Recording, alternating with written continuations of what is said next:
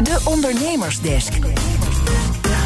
In de ondernemersdesk kansen en risico's. Elke week aandacht voor initiatieven die het beste maken van de coronacrisis. Vandaag shoptiming. Vier jonge ondernemers lanceren een platform voor winkeliers om nooit te veel klanten binnen te hebben. Maar via een reserveringssysteem ervoor te zorgen dat de RIVM-richtlijnen worden nageleefd. Connor Klerks gaat in gesprek met oprichter Moos de Winter.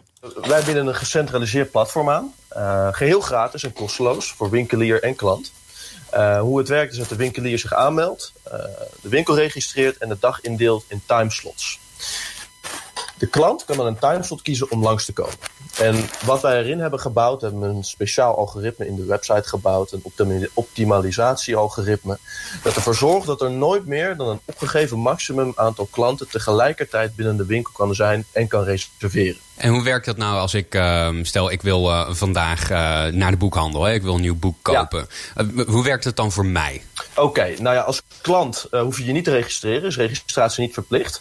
Dan ga je dus naar shoptiming.com en dan zie je daar wellicht boekhandel de Vries.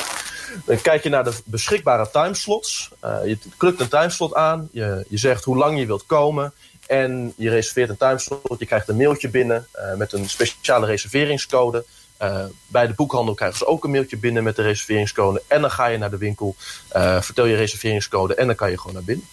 En hoe werkt het met mensen die gewoon uh, toevallig in de stad zijn en ook die boekhandel waar ik naartoe wil binnen willen lopen? Ja, ja dat, is een, dat is een hele goede vraag. en natuurlijk willen we niet aan de winkelier vragen om de passanten te weren. Dat, dat zou natuurlijk helemaal niet effectief zijn en dat willen we ook totaal niet doen. Dus wat we dan voorstellen, in plaats van dat de winkelier het maximum aantal mensen opgeeft uh, op de website dat, dat tegelijkertijd binnen kan zijn, kan de winkelier er ook voor kiezen, nou ja, ik laat 50% reserveren en dan hou ik ook 50% over voor passanten.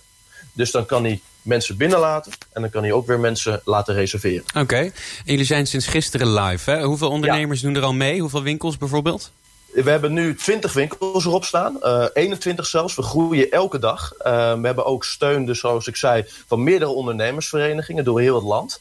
Um, en, we zijn echt net live gegaan en we denken echt dat heel veel winkeliers uh, hier heel veel baat van bij willen hebben. En um, dat we echt een verschil kunnen maken voor winkelend Nederland. Verdienen jullie dan zelf helemaal nergens aan? Want het kost best wel veel tijd, denk ik.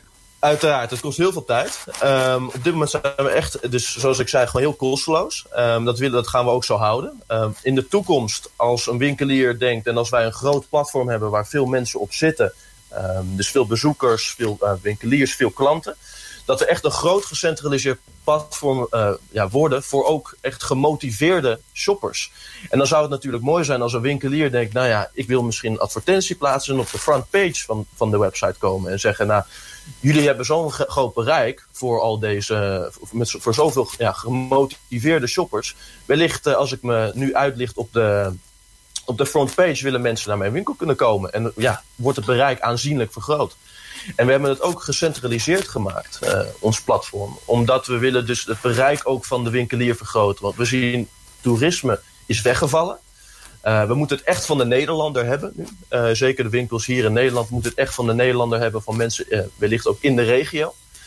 Dus hebben we daarom ook gecentraliseerd gemaakt. Dus winkels die vallen ook op in categorieën. Ehm, die zijn allemaal te zien op, ons, op onze pagina's. En ze kunnen ook een social media linken, zodat ze ook nieuwe extra klanten kunnen aantrekken die wellicht nooit van hun winkel eerst gehoord hadden. En wat is jouw achtergrond, Moos? Ik, uh, ja, ik ben uh, afgestudeerd bedrijfskunde en contraterrorisme. In, uh, dus het is, ik, ik heb een vrij diverse achtergrond. Niet echt een achtergrond die er hier helemaal bij aansluit. Maar ik heb in Tel Aviv gestudeerd, in, in het Midden-Oosten, in Israël. Um, ja, contraterrorisme, contraterrorisme was altijd um, een, een grote interesse van mij. Maar ja, nu de coronacrisis zien we dat er uh, heel weinig terreur uh, in de wereld gebeurt. Godzijdank. Dat is wellicht het enige lichtpuntje wat, uh, wat deze coronacrisis heeft ervoor gezorgd. Dus jij dacht, maar, ik, ik ga me even op een ander werkterrein inzetten. Pre precies, precies. Ja, dat, dat was een beetje de gedachte. Het was veel stilzitten.